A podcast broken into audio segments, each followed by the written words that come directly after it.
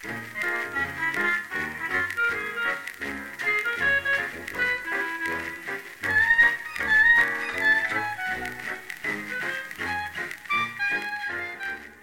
eerste potjes voetbal in Nederland werden niet rond 1890 in Haarlem gespeeld, zoals lang werd gedacht. Het Nederlandse voetbal begon al decennia eerder en in een andere plaats. Dat ontdekte schrijver en journalist Jan Luitse, die onlangs promoveerde op zijn onderzoek naar de introductie van cricket, voetbal en tennis in Nederland. Hij is onze gast in de vierde aflevering van Depotkast, de podcast van het Noord-Hollands Archief. Mijn naam is Lise Koning. En mijn naam is Jan Kruithof. En om maar direct af te trappen, Jan, ehm, als het eerste potje voetbal niet in Haarlem is gespeeld, waar dan wel? Nou, dat is een, uh, dat is een lang verhaal. Daar gaat eigenlijk mijn hele dissertatie gaat daarover. Uh, dan moet ik eigenlijk eerst even noemen dat de centrale casus in mijn dissertatie... dat is uh, de jongenskostschool Noordhei. Gevestigd in Veur. En dat is een klein plaatsje in Zuid-Holland. En op die kostschool, die is begonnen in 1820... onder leiding van Peters de Raad. Die had zich als kostschoolhouder georiënteerd... nou ja, hoe moet je nou een succesvolle kostschool beginnen voor elitejongeren. En die had daar uh, allemaal rondreizen gemaakt in uh, Zwitserland, Frankrijk, uh, Duitsland, om te kijken hoe dat daar ingericht was. Hij kwam daar al vrij snel erachter dat ze, behalve ehm, theoretische lessen in de schoolbanken, dat ze zich ook twee keer per dag een uur ontspanden in de buitenlucht. En dat ze dat vooral deden met gymnastiek en turnachtige activiteiten. En hij introduceerde dat eigenlijk ook. Dus die eerste 20, 25 jaar van die kostschool waren dat eigenlijk de voornaamste buitenactiviteiten. Wel vrij progressief in die tijd. Hè, dat je niet alleen maar uh, theorie uh, gaf en bleekneusjes opkweekte. Maar dat je ze ook uh, gewoon twee keer per dag een uur naar buiten stuurde. Zo jongens, gezonde geest in een gezond lichaam. En vanaf 1845, hè, er waren toen ook buitenlandse docenten die als native speakers les gaven in Frans, Duits en Engels. En met name de Engelse docenten die keken dan in de pauzes om zich heen als ze met die jongens naar buiten gingen. Want het was het idee dat ze toezicht houden hielden op de jongens, ook tijdens het ontspannen twee keer per dag een, uh, een uur naar buiten. En dat die Engelse docenten dachten van nou, kennelijk mag hier alles buiten. Je mag aan, de, aan de balken hangen, je mag gymnastiekachtige dingen doen, je mag andere spelletjes spelen. Dus die gingen naar huis en die dachten van nou, wat we eens een keertje meenemen. Dat zijn de activiteiten waar we ons in Engeland mee bezig hielden en waar we vertrouwd mee zijn. En dat uh, was in eerste instantie cricket en hockey. Cricket is een, uh, een uh, zomersport, dat is een beetje statisch. Lekker weer, dan is dat prima vol te houden. Duurt eindeloos lang, dus je staat stil. En als je dat in de herfst en in de winter gaat doen, krijg je het koud. En toen zeiden die Engelse docenten van nou, wat wij in de winter altijd doen, dat is een beetje hol en draven. En dat kun je heel goed met hockey doen. Dus vanaf 1845 op die kostschool in Zuid-Holland gingen ze cricketen en hockeyen. En vanaf 1854, en dan kom ik eindelijk bij het beantwoorden van je vraag, Jan. En in 1854 kwam er een, nieuwe Engelse docent. Die Engelse docent die zei van, nou, misschien is het leuk om eens ter afwisseling van het hockey in de winter, om daar eens te gaan voetballen. En uh, nou, dat, dat deden ze vanaf 1854. En ik heb in mijn dissertatie een vrij concrete bewijsbrief van tien jaar later. Een, een kostschooljongen die schrijft aan zijn vader, schrijft hij thuis. Uh, van uh, afgelopen maandag kwam onze Engelse docent naar ons toe en die zei: We're going to play football today. Nou, die had een bal onder zijn arm. En die jongens die waren uh, iets van tien minuten of een kwartier aan het voetballen. En toen brak de bal. Dat is letterlijk zoals hij het zei. Dus dat was zo'n varkensblaasbal, zo'n zo opgeblazen varkensmaag met de leer eromheen. Nou, kennelijk komt er dan uh, door dat trappen tegen die bal, uh, met, met die vlakjes van het leer, uh, kwam er een scherp dingetje tussen. Dus toen brak de bal. En toen moest die bal terug naar Engeland. Nou, dan, dan, dan je dus gewoon een maand of anderhalve maand niet meer voetballen. En toen gingen ze weer op hockey over. Nou, dus, dus zo ging dat in die beginperiode. Dus het eerste potje voetbal, 1854, kostschool, Zuid-Holland, niet Haarlem. Ik neem aan dat het in Haarlem terecht kwam door leerlingen die daar dan zaten? Of ik weet niet hoe je mensen ja. noemt die op een kostschool zitten. Nou, wat, wat, wie er op die kostschool zaten, dat waren elite, elite jongeren. Dus dat waren graven, baronnen en uh, jonkheren. Dus dat was echt het dus, hogere... Dus voetbal begon als een elitesport? Ja, zeker, absoluut. En die jongens die uh, kwamen terug uh, vanaf dat ze 15, 16 waren. Hè, want die, die uh, kostschool die had geen examineerbevoegdheid. Dus die jongens werden dan door hun ouders naar uh, gymnasia en, en dat soort scholen. Hè. Vanaf uh, de onderwijswet in 1863 werden ze gedirigeerd om daar een gymnasiumdiploma te halen. Nou, die jongens die kwamen er op die scholen terecht, dus ook in Haarlem op het lokale gymnasium. En die kwamen er eigenlijk achter van ik ben goed getraind. Ik wil eigenlijk wil ik nog wel doorgaan met dat sporten, maar er is hier niks. Nou, uiteindelijk komen dan de eerste clubs. Maar wat er in Haarlem eerst gebeurde, dat was op dat gymnasium dat er ook een, een ex-Noordheil-leerling zat. En die hield daar een uh, spreekbeurt uh, bij de dispuutclub van het gymnasium over Engelse sport. En die hield daar een pleidooi dat hij zei van waarom doen we dat hier niet? dat, is, dat is hartstikke leuk om hier te doen. En die miste dat kennelijk. die, die dacht van nou, dat deden we altijd op Noordheim. En hier doen we dit soort dingen niet. Die zijn s'avonds nog, hebben ze een cricketclubje opgericht. En toen zijn ze de duinen ingegaan. En vanaf dan is het eerste jongensclubje met gymnasiumjongens. En al snel sloten zich wat ABS'ers erbij aan. Zijn gaan cricketen. Nu, eh, nu valt in dit verband vaak de naam van Pim Millier. Kun, kun je vertellen wie dat precies was? Ja, Pim Millier was een van die jongens die op, die, dat, die op dat gymnasium zat. hij is geboren in 1865. Dus in die uh, periode dat ze dat eerste cricketclubje begonnen, hè, dat waren vooral oudere jongens van het gymnasium, dus zeg maar uh, eh, 17 zo ongeveer, 17, 18 jaar, dus vijfde, zesde klasses van het gymnasium. Toen zat Pim Milieu, die zat een paar klassen lager. Dus die was uh, twee jaar jonger. En die jongens van die jongere klassen, die wilden ook meedoen, mochten ook meedoen. Maar die werden vooral gebruikt als het uh, wat jongere voetvolk. Dus die mochten de cricketballen ophalen en uh, nou, die werden waarschijnlijk daar gewoon rondgecommandeerd. En dat zegt Pim ook later in, hè, want die heeft een aantal sportklassiekers heeft hij geschreven. Dat hij, dat hij zei van ja, we hebben dat iets van een, uh, een half jaar of drie kwart jaar gedaan. Daar een beetje bij geweest en we werden toch ja, niet, niet heel prettig behandeld door die oudere jongens. Twee jaar is echt wel een wereld van verschillen. Of je ja, ja, 17 bent of 14 of 15. En die zei van ja, we begonnen gewoon ons eigen clubje. Dachten van we splitsen ons af, dat zegt hij ook. En uh, toen zijn ze een ander clubje begonnen, dat heet Rood en Zwart. Nou, en voor de geschiedenis van, van het, het voetbal in Nederland blijkt dus eigenlijk, en dat, eh, ik heb dat vrij goed in kaart gebracht, dat al het voetbal in Nederland op Enschede na, uh, maar al het voetbal in Nederland komt eigenlijk voort uit het cricket. Dus jongens beginnen eerst een cricketclubje, dat doen ze in de zomer. En dan zeggen ze in de winter van, en net als op die kostscholen, we wisselen dat af met zo'n uh, ren- en draven sport, zoals voetbal.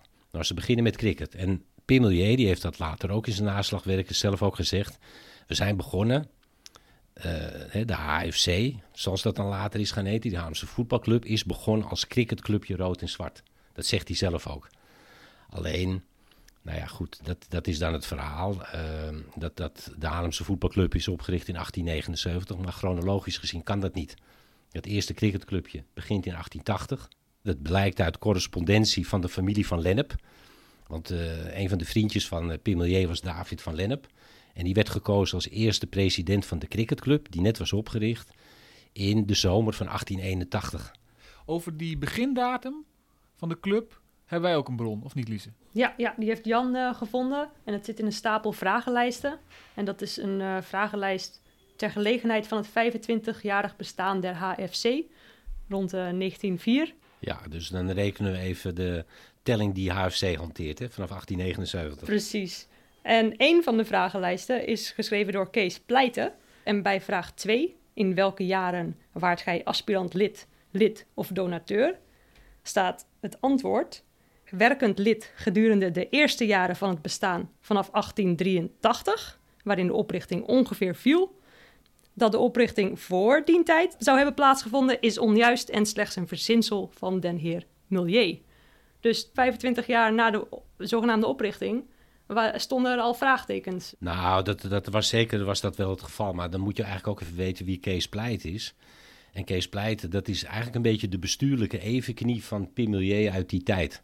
Er is gelijk vanaf uh, het begin in dezelfde zomer dat rood en zwart wordt opgericht, dat cricketclubje, heb je ook rood en wit. Het is allemaal met verschillende kleuren. Het is een beetje verwarrend af en toe. Maar rood en wit nog steeds een uh, bestaande gerenommeerde cricketclub in uh, Haarlem. En daar is Kees Pleiten een van de grote mannen. En tien jaar of vijftien jaar is die voorzitter van die club. Dus die is overal, vanaf het begin af aan, vanaf 1880, 1881 is hij overal bij geweest. En dus waren weet... dat nou vrienden, Pimelier en, en Nou, dat is, dat is het aardige hiervan. Dat, dat blijkt ook een beetje uit het antwoord. Pimelier, uh, die is, uh, dat cricketclubje Rood en Zwart is die begonnen met David van Lennep. En vanaf 1882 tot 1885 verdwijnt Pimelier een tijdje uit beeld. Die gaat dan uh, op kostschool in Engeland, zit hij één of twee jaar. En één of twee jaar zit hij in Duitsland op een kostschool. Dus dan is eigenlijk een beetje het hart uit dat Rood en Zwart, dat vanaf 1881 oktober ongeveer gaat rugbyen. En ergens in de loop van 1882 schakelen ze over van rugby op uh, voetbal, omdat de ouders ingrijpen. die zeggen dan op een gegeven moment van, uh, ja, dat kost veel te veel kleren, die wilde sport. Scheuren in broeken, scheuren in jasjes en hesjes en weet ik veel wat allemaal. Dus dat, dat wordt niet meer aangemoedigd door, die, door de ouders. En dan schakelen ze over, waarschijnlijk als Pimelier terugkomt uit Engeland. En die zegt dan van, nou, in Engeland doen ze ook voetbal. Nou, dan laat hij, in plaats van rugby, laat hij voetbal zien. Dus vanaf ergens december 1882 of in het voorjaar van 1883 schakelt dat rood en zwart clubje, die cricketers, die schakelen over van rugby op voetbal. En dan kan het zijn dat ze zich af en toe zichzelf de voetbalclub noemen van Haarlem of, of Haarlemse voetbalclub, weet ik het, zoiets. Maar het is niet eerder dan 1882, 1883. Kees Pleiten, ja, die zit bij rood en wit. En um, vanaf 1884, hè, als dan bestaat rood en zwart niet meer, omdat Pimelier in, in Engeland in Duitsland zit, dan komt Pimelier komt weer eens terug en die wordt dan lid van rood en wit. En dat geeft ook aan dat zijn eigen clubje niet meer bestaat. En um, rood en wit besluit dan een voetbaltak op te gaan richten. Nou, Pimelier wordt al snel benoemd in het bestuur van rood en wit. En die ziet dan de kans om te denken van nou, kan ik mijn oude clubje, kan ik weer eigenlijk onderbrengen van rood en zwart wat het was, dat maak ik nu tot de voetbaltak van rood en wit. Nou, die gaan dan dus vanaf 1884 bij rood en wit gaan ze voetballen. Nou, en daar heeft waarschijnlijk Kees Pleiten het over. Kees Pleiten is een beetje een concurrent van uh, Milieu. Die, die, die, je ziet ook uit latere periodes dat dat niet altijd even botert. Uh, Pim wordt op een gegeven moment voorzitter van de Cricketbond. En dat is eigenlijk een beetje tegen het zere been van Kees Pleiten. Dus dat, er, is wat vrevel tussen die, tussen die jonge mannen. Nou, dan in 1904, dan vult Kees Pleiten vult die, die enquête in, die vragenlijst. Nou, die heeft kennelijk nog een appeltje te schillen met uh, Maar waar komt die, die 1879 dan vandaan? Ja, dat is... Um, dat is een, een uh, zoals Kees Pleiten zegt, een verzinsel van Milieu. In de zin van, hè, die, die Milieu, dat blijkt ook uit zijn sportnaslagwerken. Dat is een fantastische figuur. Die is overal bij geweest. Ik doe helemaal niks af aan zijn, zijn rol in de, toch, in de sportgeschiedenis. Uh... Ja, ja die, die, heeft hij ook als eerste heeft hij die, uh, geschaatst. Dus zijn rol die is, is nou, echt fantastisch. Maar als je die sportklassiekers van hem leest, hè, over, over voetbal en atletiek uit 1894 en zijn naslagwerk cricket uit 1897, het zit wel vol met slordigheden. dus ik, ik heb samen met een, uh, een, vriend, Wim Sonneveld, hebben een aantal uh, boekjes daarvoor ook geschreven. Een Hartgras special en hoe voetbal verscheen in Nederland. En daar hebben we eigenlijk al die feiten die Pimelier in zijn klassiekers opvoert, hebben we gewoon gecheckt. we hebben gewoon gezegd van duiken de archieven en de bronnen in. Uh, krantenartikeltjes over die wedstrijden, dan zie je dat namen verkeerd gespeld zijn, data die net niet kloppen. En dan op een gegeven moment heeft Pimelier dat, als hij dat schrijft in 1894, 1897, heeft hij het waarschijnlijk ook niet meer 100% helder op zijn netvlies. En dan doet hij het met een aantal krantartikeltjes, herinnering, een aantal uh, reglementsboekjes die hij nog heeft. En zo reconstrueert hij de geschiedenis. En dat begint dan met dat hij zegt van nou, in de winter van 1879, 1880, toen gingen we voetballen. Zoiets, toen ging de bal rollen. Wat hij waarschijnlijk bedoeld is, dat in 1880 dat ze gingen cricketen. En als afwisseling daarvan gingen ze in 1881 voetballen. Dus ja, hij bedoelt waarschijnlijk de oprichting is geweest van de voorganger van de Haarlemse voetbalclub, Rood en Zwart. En dat is 1879, 1880. Nou, hij bedoelt dan 1880. En dat is Progress, dat is dat eerste clubje. En zijn eigen clubje was pas 1881. Nou, dat heeft hij op een gegeven moment opgeschreven. Ja, en dat houdt hij dan vol. En dat is in andere boeken komt dat erna. En in lezingen houdt hij dat vol. Ja, en dat, dat wordt dan de geschiedenis. En op een gegeven moment staat het in, uh, nou, in een stuk of 10, uh, 15 gedenkboeken van de HFC. Ja, en die erkennen min of meer wel dat wat wij schrijven, hè, wat ik geschreven heb in mijn dissertatie, wat Wim Sonneveld en ik in die boekjes schreven, dat dat klopt. Maar die zeggen ook, ja, we gaan het niet meer veranderen. Had je verwacht dat hier in dit stapeltje ja, gewoon vragenlijsten een soort van bewijsstuk zou liggen? Nee, dat, dat, maar dat is het leuke van archiefwerk. Ik voel altijd een zekere opwinding als ik het, als ik het archief in ga. En je, je gaat een aantal stukken inzien van een club bijvoorbeeld, van je denkt, nou, het zou best kunnen dat er wat interessant materiaal in zit. Nou, het kan zijn dat je een hele dag of twee dagen dat je aan het graven bent in die stukken, dat je niks vindt. Ja, dan heb je een beetje zo'n baalgevoel dat je dan denkt, nou, twee dagen voor Jan Doedel uh, zitten zoeken of zitten lezen. En soms ga je dan dus door zo'n stapel van die archieven heen. Of van die archiefstukken heen, van die, van die vragenlijst. Want het is echt een pak papier van, uh, van 10 centimeter. Een stuk of uh, 200 leden hebben dat ingevuld. En dan kom je bij die pleiten denk je, ja, ja, die pleiten, nou, dat is wel een belangrijke figuur. En dan lees je dat zinnetje en dan denk je, hè? Dan lees je dan nog een keer en denk je, ja, het staat er echt. Dus dit was echt, zeg maar, voor je onderzoek echt een, een voltreffer, zeg maar. Ja, dat was een voltreffer. Die kan je ook vertellen van dat ik een klein rondedansje in het archief deed toen ik dit las. Even je shirt over je hoofd en even Ja, de, de, de studiezaal rond. Even, even, ja, even door het eh, gebouw heen rennen.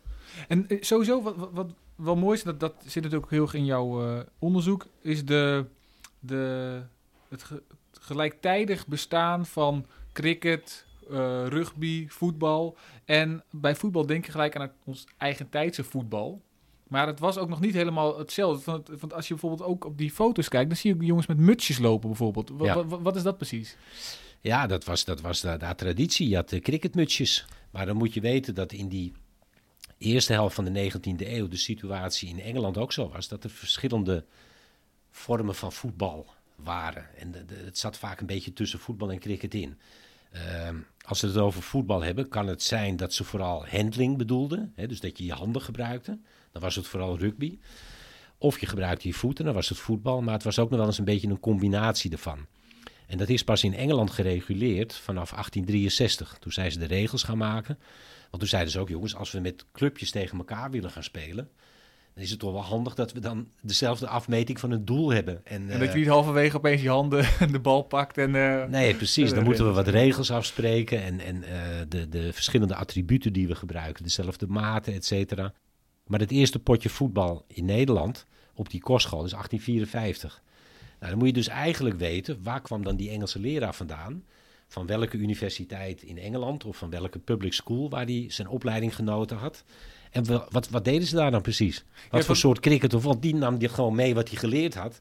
En dat gaf hij door aan die jongens in Nederland. Want je weet nu dus wel wanneer dat potje is gespeeld in Nederland, het eerste potje voetbal. Je weet waar het is gespeeld, maar je weet dus eigenlijk nog niet volgens welke regels het gespeeld Nee, werd en nee. hoe het eruit zag, wat ze eigenlijk aan het doen waren. Nee, precies. Dat is 1854 is dat nog onduidelijk. Daarom ben ik nu ook met vervolgonderzoek bezig. Dat, dat- dat- er zitten wel een paar sleetse plekken in mijn dissertatie. In de zin van, ik heb het al aangetoond. Maar het zou nog veel beter zijn als je het nog dieper aantoont met brieven die eronder liggen. Meer details over wat ze nou precies deden. Maar die brief die ik noemde uit 1864, dat is wel redelijk overtuigd. Want zegt die jongen, hè, die schrijft naar zijn vader. eh, nou, de Engelse leraar kwam naar ons toe. Die zei, we're going to play football today. En hij weet ook, ja, mijn vader die heeft geen flauw idee waar het over gaat. Dus hij zegt ook, voetbal, dat is een spel waarbij je een, een varkensblaas omwikkeld met leder eh, over de grond moet voortschoppen met je voet. Nou, je denkt, nou oké. Ja, zo zou ik het ook omschrijven. Ja, nou ja, goed, het is meer voetbal dan rugby in ieder geval. Ja. Ja. Nou, dat, zo, zo beschrijft hij dat. En hij noemt ook nog, hij vindt het dan heel leuk dat ze gaan voetballen, want hij was een beetje klaar met dat cricket. dat zegt hij ook. Ja. Wat, wat dus ook nog wel leuk is, want we hebben dus, eh, wat net over die, die mutsjes hè, en hoe voetbal destijds anders was. En in een van de, de bronnen het archief wordt ook gesproken over die mutsjes nog. Ja. Zou ik er even bij pakken. Dat is een eh, gedenkboek eh, van de Haarlemse voetbalclub uit 1919. En daarin wordt ook geschreven, eh, even kijken, in, 19, of in 1881 verdween alleen het kapje en werd dit een gebreide rood-zwarte wollen muts. Ik probeer me dat even voor te stellen, dat Ja. je met een gebreide muts aan Ja. het voetballen bent. En dan maar koppen bijvoorbeeld. Ehm, Kopte ze al, dat is de vraag. dat is ook nog. Ja, precies. Ja, je ziet hem ook. eh, Jan houdt nu eventjes de, die, die cover van de Hartgras eh, editie voor. Waar je iemand ook echt met een soort slaapmuts ziet. Ja, een soort slaapmuts. Zo ziet het eruit. En ik zeg inderdaad ook, dat is wel leuk. Want je hebt ook een, een hele mooie website, footballlegend.nl. En daarin staat ook dat er in 1894 een wedstrijd was tussen Frisia en het Groningse Be Quick. En de Groningers die speelden met ijsmutsen en de Friesen die droegen lange slaapmutsen. En ehm, vervolgens staat er in 1894 hoofddeksels weg, alleen haar, niets dan haar. Ja. Het was schoon. Nou ja, dan zie je, nou ja, dat, dat, dat is inderdaad, dat laat dan ook wel zien eh, vanuit de Haarlemse voetbalclub. Dat ze rond 1895 die mutsjes hebben afgeschaft. Ik moet er nog wel bij zeggen, de Haarlemse voetbalclub, ja, het gaat nu steeds over dit jaartal. En, en nou ja, ik moet er ook bij zeggen dat de Haarlemse voetbalclub en dan met name de archiefcommissie ook ontzettend te willen is geweest. Hè. Ze hebben ons gewoon ontvangen in het archief en hebben uitgebreide stukken laten zien. Ja, het, Eh, het is natuurlijk alleen maar een ding omdat het gaat Ja, om de eerste. precies. Als het tien jaar Ja, later dit was, dan was je ja, Ja. boeien. Nee, precies. Maar wat er wel leuk is in het archief, wat ze ook tevoorschijn haalden, is een, eh, eh, nog zo'n trui van Pim Mulier eh, uit die begintijd. En eh, die hebben ook een, een cricketmutsje nog, zo'n rond mutsje van rood en zwart. En dat, nou, dat kwamen ze aanreiken met van die handschoentjes. En eh, nou, dat vond ik ook wel grappig en leuk. En ik moet eerlijk bekennen dat ik dat mutsje even opgezet heb. vanuit het idee van ik denk, nou dichter bij Pim Mulier dan dit kan ik niet komen. Dus ik heb heel even dat cricketmutsje uit 1881, 82, zoiets, opgehad van Pim Mulier. Dat kun je ook doen met archiefstukken. Je kunt ze ook opzetten. Ik weet niet of ik dat in de studiezaal eh, moet aanraden. Maar, eh, maar het, het, het grappige is ook wat ze ook over die mutsjes zeggen eh, op die website voetballegends.nl. Je schrijft het als voetbal. voetbal op, het, op zijn Nederlands en dan legends op zijn Engels.nl. En ehm, eh, want hij, zegt dus hier op het eind van het was schoon. Ehm, als je natuurlijk een kopduel had en je muts viel af, zat hij in de modder. Dan moest je die, die modderige muts weer op je kop zetten. Dus dan, het, het was ook Ja. echt niet schoon natuurlijk. Dus dat, dat vind ik ook super grappig. Dat je, dat je, dat de, je, ehm, je belevenis zeg maar, van het voetbal destijds gewoon heel anders was. Dat Ja. echt, eh, Nee, dat klopt. Ik vraag me toch nog af. Ehm, in het begin was het dus een beetje een elitesport. Wanneer werd het een beetje een, een volkssport, als ik het nu zo mag noemen? Want het is nu iets, iets groter dan toen. Ja, dat is een, eh, dat is een eh, goede vraag. Dat, daar heb je gelijk in. Je zou kunnen zeggen na 1890, na 1895. En dat is een beetje een losse theorie, hoor, want het valt een beetje buiten, ons, eh, eh, de, buiten mijn onderzoeksperiode. maar in die periode begint die, beginnen die sporten ook groter te worden. En cricket is wat dat betreft een minder aantrekkelijke publieksport dan het voetbal. Voetbal spreekt kennelijk meer aan, komt meer publiek. Ze kunnen wat toegangsgeld kunnen ze hebben, dus het is gewoon iets lucratiever om te voetballen. Die sport is ook iets dynamischer dan, dan het cricket. Dus je ziet meer aanwas bij het voetbal. Iets minder dan het cricket. Uit het cricket wordt ook nog de hart wordt uitgezonden van, van, de, van de kernjongens die gaan naar, eh, naar Indië. En de jongens die daarvoor in de plaats komen en in de plaats willen komen, die willen vooral voetbal. En dat zijn die jongens dan uit de, iets mindere kom af. Nou ja, het lijkt net alsof we het dan hebben over eh, de, de fabrieksarbeiders. Maar dat, dat is dan zeg maar onder de adel en onder de elite. Die vinden het dan vooral leuk om te voetballen. Dus die lege plekken die worden makkelijker opgevuld in het voetbal dan in het cricket. En zo zie je dat dat recht evenredig zeg maar, eh, zich ontwikkelt. Dus eigenlijk was de grootste sport in 1881 was cricket. Dat weet niemand. De grootste sport in Nederland. En dat zie je heel langzaam zie je dat weg hebben. En dan draait het zich om. En dan wordt eh, voetbal die neemt dat over. Wat, wat ik zo mooi vind eh, uit jouw onderzoek is dat er blijkt dat de geschiedenis uit zoveel toevalligheden bestaat. Zeg maar. Dat enerzijds dat, dat Pimelier met zijn vriendjes een eigen clubje begint, omdat die oudere jongens gewoon Ja. hun een beetje als eh, ballenjongens Ja, gebruiken. gewoon afzetten tegen. en ja. dat rugby verdwenen is, omdat die moeders een beetje zat werden Ja. van de hele tijd die, die, die, die kleden wassen en eh, die scheuren naaien en zo. En dat, eh, dat, dat, dat het cricket wat, wat minder snel gegroeid is, omdat er dan weer jongens naar Indië gingen, zeg maar. Ja. Dus het zijn allemaal toevalligheden die ervoor gezorgd hebben dat wij nu eh, massaal allemaal eh, op zondagavond met eh 7 uur voor de buis zitten. Nee, dat klopt. En ook dat, dat begin van dat rugby van David van Lennep en Pim Milieu met zijn gymnasiumvriendjes. Dat is eigenlijk ook toeval, want Pim Milieu, dat is dan degene die de bal heeft geregeld. Dat, dat, dat staat wel redelijk vast. Maar hij heeft dus kennelijk een rugbybal heeft hij geregeld. Nou, de theorie is, zoals hij dat zelf vertelt, hij heeft ook verschillende verhalen over hoe dat nou precies gegaan is. Maar de kans is het grootst dat hij, zoals hij zelf zegt, een advertentie gezien heeft in een eh, sportblad. Wat er dan weer bij een vriendje lag van hoge kom af. En daar zag hij een rugbybal staan en die heeft hij besteld in Engeland. Dus eigenlijk ook een beetje toeval. Had hij een voetbal gezien, had hij misschien dat ding besteld. Ja, dus ja, zo gaan die dingen. Mooi. Ja, heel mooi.